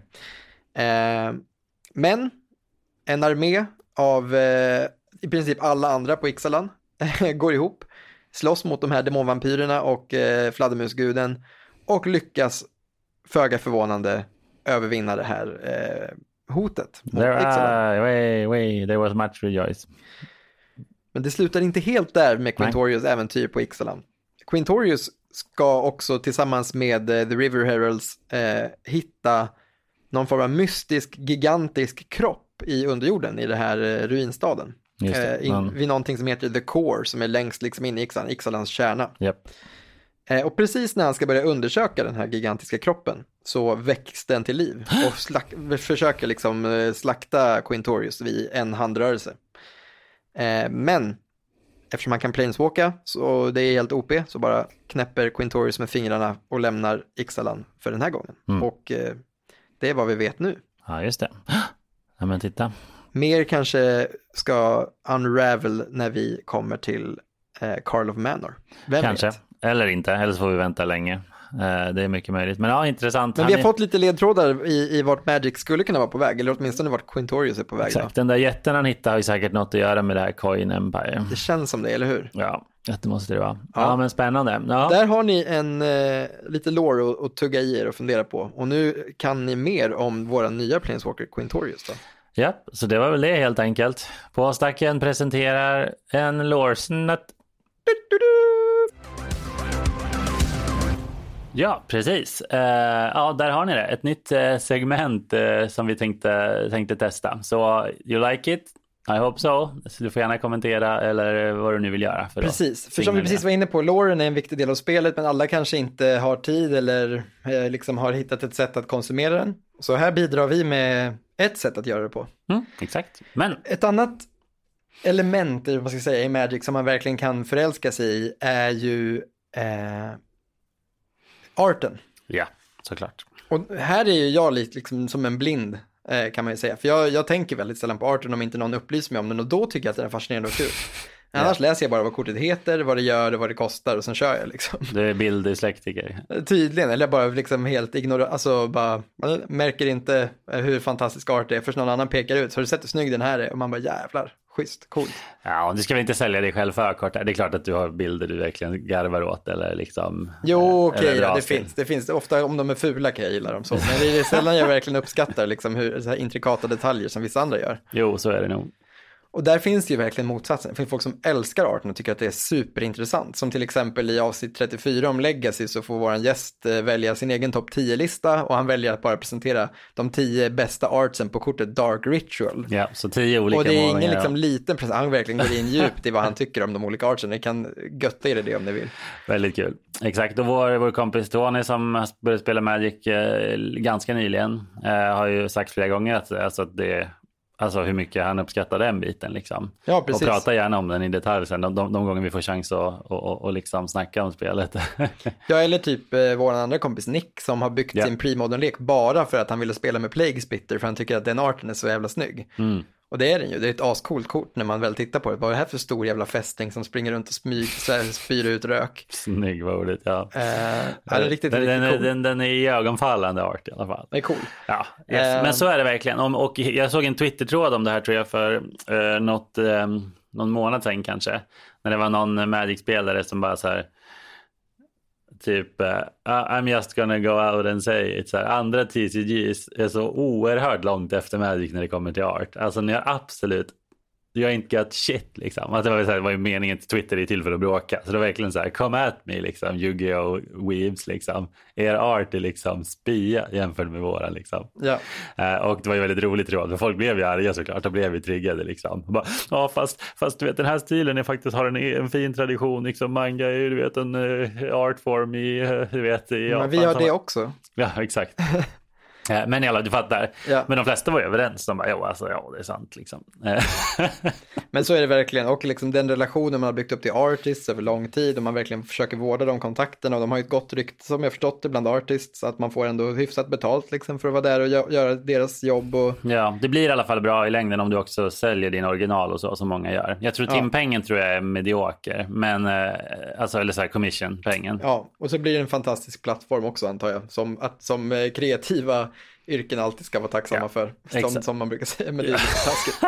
Men det får Ja. synas så väldigt mycket. Så är det. Här kan man prata mycket längre om, så jag ska inte stanna för länge. Men eh, ja, för mig är det här viktigt, absolut. Eh, det skulle jag säga. Jag har flera favorit liksom, eh, konstnärer och jag har inte gått till den nivå att jag har samlat liksom, en specifik så. Men jag tycker det spelar stor roll. Vi pratade en hel, om, en hel del om det för någon vecka sedan eller så när jag och Robert, eh, vår kompis Robert, då, gick igenom dinosauriearten liksom, i Lost Caverns. Liksom. Den var sjuk. Ja, eh, så det tyckte jag var, det är viktigt för mig liksom, som också råkar gilla dinosaurier så mycket. Men, men oavsett dinosaurier eller ej liksom, så är det ju en väldigt rolig del av spelet och som drar till sig blicken för många. Och jag menar när jag började spela, det har jag säkert sagt i något annat avsnitt. Alltså arten på Shiva and Dragon från, då var det 8th edition, men den kom i 7th edition. Alltså den var nog en ganska avgörande del att jag fastnade. Alltså du vet, otroligt detaljerad, liksom mäktig, liksom snygg pose liksom. Alltså det var en, en ball illustration på en drake liksom, exakt som de ska vara. Det är Ja. precis sånt som en 11-12-årig kille gillar liksom. Och jag tänker att det är just det att den här fantastiska art, alltså om korten bara var liksom vad de gjorde, som det kan vara ja, i vissa spel, det är ju väldigt ovanligt, det finns ju oftast någon form av Någon, art. ja, ja, Men det är ju också det som ger oss en gemensam känsla för korten. Det, det, det ska man nog inte underskatta, alltså att de här starka bilderna bygger liksom en gemensam syn på världen. Och det Mm. tycker jag också är häftigt. Jag tänker liksom på hur hade du till exempel föreställt dig, tror du, Karn Silvergolem om det inte vore för den väldigt speciella arten på det första liksom Karn Silvergolem-kortet från uh, Ursa-blocket. Mm. En väldigt lustig typ liksom. Det är inte så kanske man själv hade valt att föreställa sig eh, någon slags eh, metalman så. Han, han har ju sitt runda huvud liksom. Och väldigt Visst, och alltid en bitter min. bitter min i alla tider liksom. Eh, och han har ju fått behålla det uttrycket liksom, genom Magics historia för att det var så han såg ut från början. Det är också lite härligt med en återkommande karaktär där, som har kvar någonting från en väldigt gammal era liksom. Ja, visst, men det är också bara att kolla på baksidan av Magic-korten. De är fortfarande så otroligt retro. För att de Ja, har ingen val nu, de är fast med det för alltid. Ja, i alla fall, men så är det verkligen. Och sen någonting jättekort till jag måste säga är att arten har ju gått igenom olika faser. Alltså du hade ju early days när de bara anställde sina kompisar. Som har väldigt klassisk art. Vissa är ju genuint snygga, men mycket är också shit, alltså rent tekniskt. Ja. Alltså det är väldigt, väldigt taffligt. Vilket dock har sin charm nu så här i efterhand. Sen har ju Magic blivit mycket mer verklighetstrogen art. Vissa skulle kalla att den ibland är lite generic. Alltså så här, det är bara generic fantasy art. Men det har ju också ändrats igen. För nu har vi massa special treatments när de tar in konstnärer som en helt annan stil. Som kan vara surrealistisk eller liksom väldigt distinkt från en viss tradition och så. Alltså helt andra material. Alltså ibland är det inte ens målningar. även det som anklagas för att vara generic kan ofta ha väldigt starka, alltså starka inslag av någon, någon stil så. Ja visst, visst, och det är aldrig dåligt. Nästan aldrig. Möjligtvis att det kan kännas lite, lite fantasilöst någon gång, men det är ju sällan. Och det görs ju, så det görs ju liksom flera, flera hundra nya per år, så det är inte så konstigt. Om alla kan inte vara en 10 av 10. Men, Det är långt över hundra, det är säkert Ja, flera tusen per år nu. Ja, men det många hundra, många hundra i alla fall. Och kanske till och med, ja, kanske tusen. Ja, jo, men där blir det nog, antar jag. Jo, det är sant. Ja, i alla fall, ni fattar. Eh, vissa samlar till och med på originalarten eller liksom prints. Vissa, och sen arten hamnar på playmats, de hamnar på sleeves, du vet, de hamnar på hemsidan och så här arena liksom när du loggar in. Alltså det är så viktigt. Verkligen.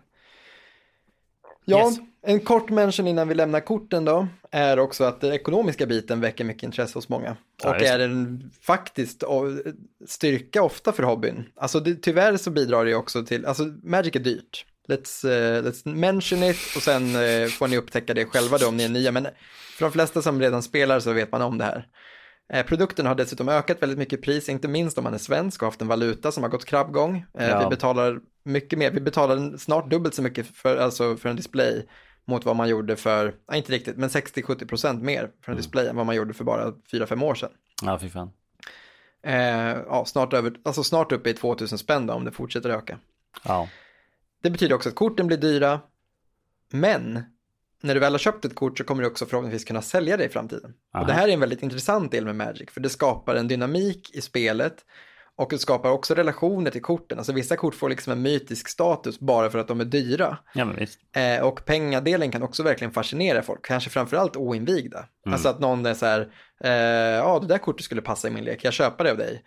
Ja, det kostar 1200 spänn. Oj jävlar, varför? Ja, det har bara tryckts en gång och bla bla bla.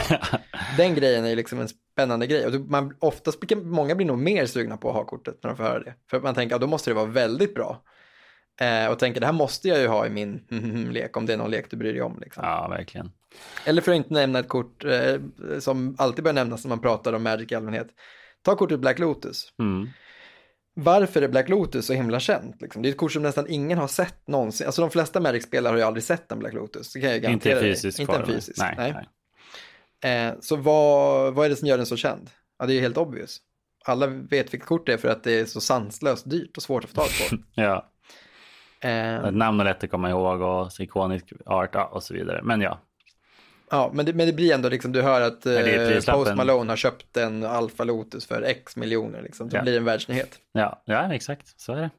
Så är det. Eh, Men visst är det så. Det är verkligen, finans är också någonting man kan prata länge om och det har vi nämnt flera gånger såklart, i de gamla avsnitt. Men, men så är det. För mig är det en, på gott och ont, är det någonting, ett sätt jag integrerar, interagera med spelet eh, dagligen egentligen. Alltså jag får inte, eh, man är ju 30 plus liksom, man har sina massa saker för sig, man får inte spela riktigt så ofta som man kanske önskat eller som man fick göra när man var liksom när man bara eh, gick på gymnasiet kanske och hängde med polarna i all fritid. Men eh, jag håller ju på och säljer och byter eh, och tradar ibland, ja nästan varje dag liksom på Magic Card Market och Svenska Magic eller kanske på Facebook. Så det är vare sig man gillar det eller inte så är det någonting som håller kvar en liksom och väldigt många vill ju få valuta för sina kort. När man slutar vill man sälja dem och när man bygger ny lek vill man kanske göra sig av med sin förra lek. Så. Och det kan ju vara kul alltså faktiskt. Så man kan göra bra affärer liksom och, och känna sig smart och du vet, dryga ut kassan. Så det går ju verkligen. Och det har ju blivit lite av en investering för många. Alltså både du och jag har ju väldigt, ja, alltså samlingar som skulle få många att tappa hakan i Och som värde. skulle få andra att fnysa. Men andra, exakt, men andra att säga det där är ju rookie numbers liksom. Det är, det är väldigt spännande. Men, men man får väl ändå konstatera att eh, det, det höjer kanske entry level för spelet, absolut. Men eh, eh, tack vare att spelet är så himla stort så finns det ju en väldigt aktiv andrahandsmarknad som gör att du kan få tillbaka dina pengar ofta. Och, ibland med vinst och ibland med lite förlust. ja. Nåväl. Ehm, det finns otroligt mycket att säga om varför Magic är eh, världens bästa spel och vad som gör det till världens bästa spel. Eh, eller varför, ja, framförallt kanske vi tycker att det är världens bästa spel. Det finns nog många som kanske inte håller med oss om det. Eh, då har ni fel. exakt. En av de faktorerna som gör Magic till ett så otroligt bra spel eh, och som, det kanske inte är unikt med Magic, men det, gör, det sätter Magic i en, eh, tillsammans med några få andra spel i en väldigt speciell position, är den här fantastiska gemenskapen som finns runt spelet. Såklart. Och det finns definitivt inte runt alla spel. Men, men, Magic är superfascinerande, mycket på grund av gemenskapen. Japp. Vi har gjort ett helt avsnitt om vad gemenskapen betyder för oss förut, men jag tänkte att vi ska nämna det för att den som lyssnar och är intresserad av spelet ska kunna få en bild av vad det kan ge en utöver då ett väldigt roligt spel med fantastiska kort att samla på. Mm. Visst. Visst, vi kan ju börja i bara änden, alltså på liksom personligt plan så kan vi bara direkt slänga ut att så här, du och jag, eh, och allra mest du förstås, har ju en spelbutik att pyssla med. Eh, Och många av våra kompisar ännu mer än vi, för de faktiskt är där varje dag också. Ja, vi bor ju tio mil bort nu för tiden. Exakt, vi bor i Stockholm då, eh, medan våra gamla kompisar och nuvarande kompisar eh, bor i Eskilstuna och jobbar aktivt då med spelbutiken Spelfaktoriet. Och utan Magic skulle den butiken inte finnas, så vi skulle aldrig startat den. Så är det verkligen, och det skulle inte ha skapat de här men, grupperna som träffas i princip varje vecka, ibland flera gånger i veckan, eh, och spelar med varandra och åker på resor tillsammans. Bara nu i helgen ska ett gäng som varav många framförallt inte hade känt varandra. Eh, men de hade framförallt inte spelat Magic just nu tillsammans tror jag, allihopa. Om det inte vore för att Spelfaktoriet fanns då, den här butiken. Och de åker till Prag i helgen och spelar eh, eh, Magic en hel helg. De åker dit bara för att spela Magic. Det är liksom ett, ett gäng på sex pers som sätter sig på ett flyg till Prag tillsammans. Exakt, de kanske knappt hinner dricka många öl för att de ska lira så mycket. Och den här gemenskapen är ju verkligen fantastisk, alltså på det Ja. sättet. Att det finns liksom möjlighet att resa runt, det finns möjlighet att ses hemma i sin ort, göra något annat liksom än att sitta och kolla på Netflix eller gå ut med hunden. Eh, och det, det är väl det som är liksom, för mig i alla fall, alltså det, spelet hade ju inte funnits utan själva spelet och korten. Men spelet och korten hade varit helt ointressant om det inte vore för den här fantastiska gemenskapen som ser till att det händer saker och att det går att spela på alla orter där det finns. Ofta i form av lokala spelbutiker men också bara helt spontana spelgrupper av kompisar eller föreningar eller eh, ja, sådana här tillfälliga event då som i Prag. Där man har liksom ett stort, eh, stort jätteevent. Ja, men herregud ja. Eh, visst är det så. Och jag menar, det här började ju även innan butiken i vårt fall. Alltså vad man ska bli personlig igen liksom. Alltså vi umgicks ju runt spelet långt innan butiken. Eh, Gud, eller hur? va? Jag menar du och jag hade, vem vet om vi hade ens känt varandra utan spelet. Det hade vi nog inte gjort. Nej, vi träffades ju på eh, Once upon a time i Eskilstuna också då. Eh, på spelföreningen då. Det var ju ingen butik då, men en spelförening. Ja, Där vi och många andra ska sägas. Alltså vi många allra av dem är ju fortfarande kvar i samma gäng liksom. Absolut. Eh, och det är, ju, det är ju just för spelet att man fortsatte komma dit liksom. Eller hur? Va? Jag menar, det, det, visst, alltså jag menar du är ju tre år äldre än jag och när vi träffades så var ju det en big deal. Alltså bara det hade kanske varit hinder nog för att vi inte hade blivit kompisar. Liksom. Ja, vi var i väldigt olika delar av Ja, livet liksom. Herregud. exakt, exakt, exakt. Det var nita folk på punkspelningar kanske, du vet. Ja, eller hur va? Någonting sånt. Något sånt. Ja visst, jag satt och spelade, spelade kod på Xboxen. Och det, jag tror verkligen att eh, gemenskapen är det som håller folk kvar också. Alltså de flesta hade inte fortsatt om det inte vore för att det fanns andra som fortsatte pull them right back in. Alltså det, du kanske kan tröttna på korten, du kanske kan tröttna på ditt eh, favoritformat, men du kommer ju liksom ha kvar dina vänner Mm. som kommer råka bjuda med dig till någon grej och så kommer du in i det igen och så är det igång på något sätt. Ja men visst, Eh. exakt. Även folk som försöker sluta, de liksom, eller får för sig att de ska sluta eller kanske tror att de har slutat och sen är det ett nytt format eller bara en ny release och sen whoopsie Men det häftiga med det här är också att du träffar nya människor ofta. Så är det alltså det dyker upp nya spelare som du välkomnar till din gemenskap eller du stöter på någon ny gemenskap där du får liksom komma in och hitta, eh, kanske börja spela ett format du inte har testat förut och lära känna folk genom det. Eh, och vad det kan leda till, det kan ju liksom leda till vänskaper som tar dig långt bortom Magic-spelandet. På samma sätt som vi pratar nu om att vi inte hade känt varandra om det inte vore för Magic.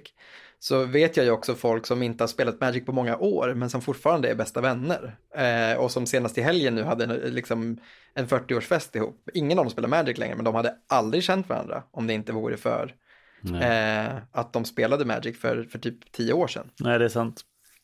Och det är verkligen kanske det liksom största pitchen för mig med att börja med Magic. Den här gemenskapen finns, den ställer egentligen bara ett enda krav på dig och det är att du ska vara intresserad av Magic och kunna bete dig hyfsat liksom. Men, men det är inte, du behöver inte ens vara särskilt skön. Eh, utan det räcker faktiskt med att du är, kan, kan, är intresserad av spelet och så kan du liksom få, få växa som människa sen och, och bli skön. Men, men det finns liksom mötesplatser och gemenskaper över hela världen för den som är intresserad av spelet och det blir liksom kittet som håller ihop allting.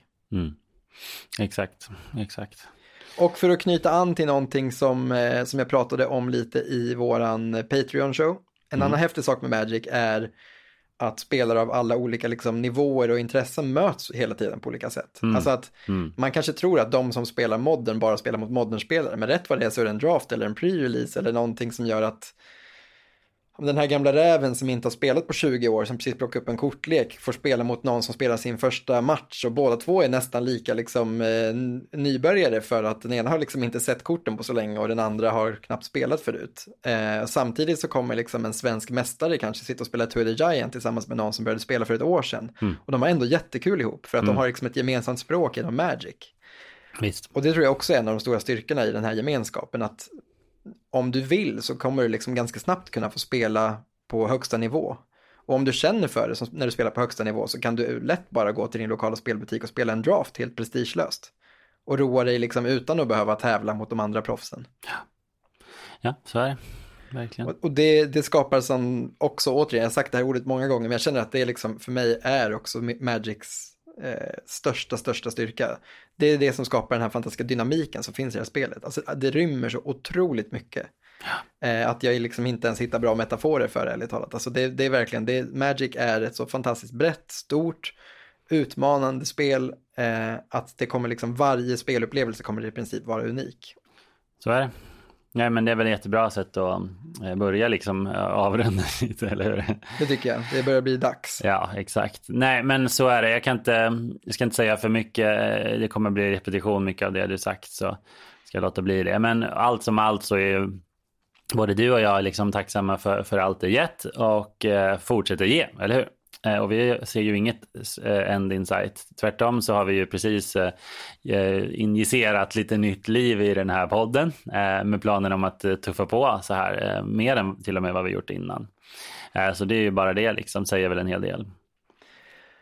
Ja, precis. Jag vill bara säga, även oavsett om du är eh, en befintlig spelare, en gammal spelare eller någon som funderar på att bli en Magic-spelare så vill jag säga Magic-resan kan fortsätta precis så länge som man vill och det finns hela tiden nya sätt att återuppvinna den på eh, och det finns nya gemenskaper att bli en del av eller att upptäcka och det finns i princip ingen anledning att inte bara börja och, eller fortsätta eh, det fantastiska tåget. Eh, det kommer se olika ut i olika delar av livet som du precis var inne på. Mm. Eh, vi initierar ett liv i podden nu, men även fast vi har spelat så mycket och så länge så hoppas vi fortfarande också, tror jag, båda två på att hitta delar i livet där vi ska få spela mer än vad vi gör idag.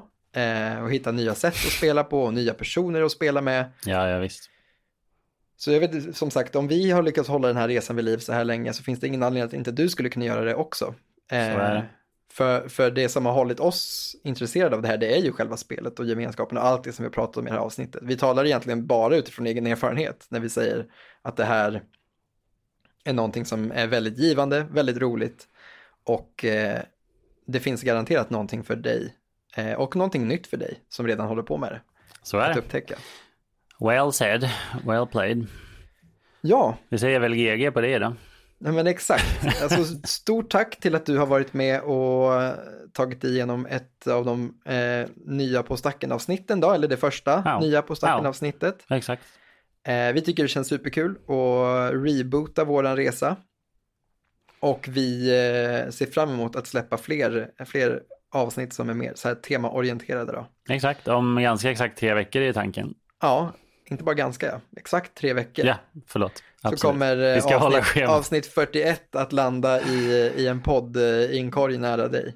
Japp. Vi kommer också passa på att tacka några som är med och gör den här podden. Och först ut så vill vi tacka våra Patreons. Mm. De som har anslutit sig på Patreon är med och är en viktig del av skapandet bakom den här podden och eh, arbetet med att utveckla podden. Så tusen tack till er. Alla stackare. Alla stackare, exakt. Alla stackare på Patreon. Vi har fått en, eh, eller numera till och med två snygga omslagsbilder av Nick Staffas, vår kära vän. Vi har fått en textlogo av Ember Artworks. Kristoffer eh, Gandrén är det tredje huvudet i den här eh, questing beasten av en podd eh, som eh, producerar och eh, ja, är med och gör de här avsnitten helt enkelt. Eh, han har också gjort eh, vår nya introjingel och vår outro som ni ska få höra snart, snart är gjord av Marcus Östlund. Då så. Toodaloo på återseende, hörande. Ja. Något sånt. Puss och kram, hej då.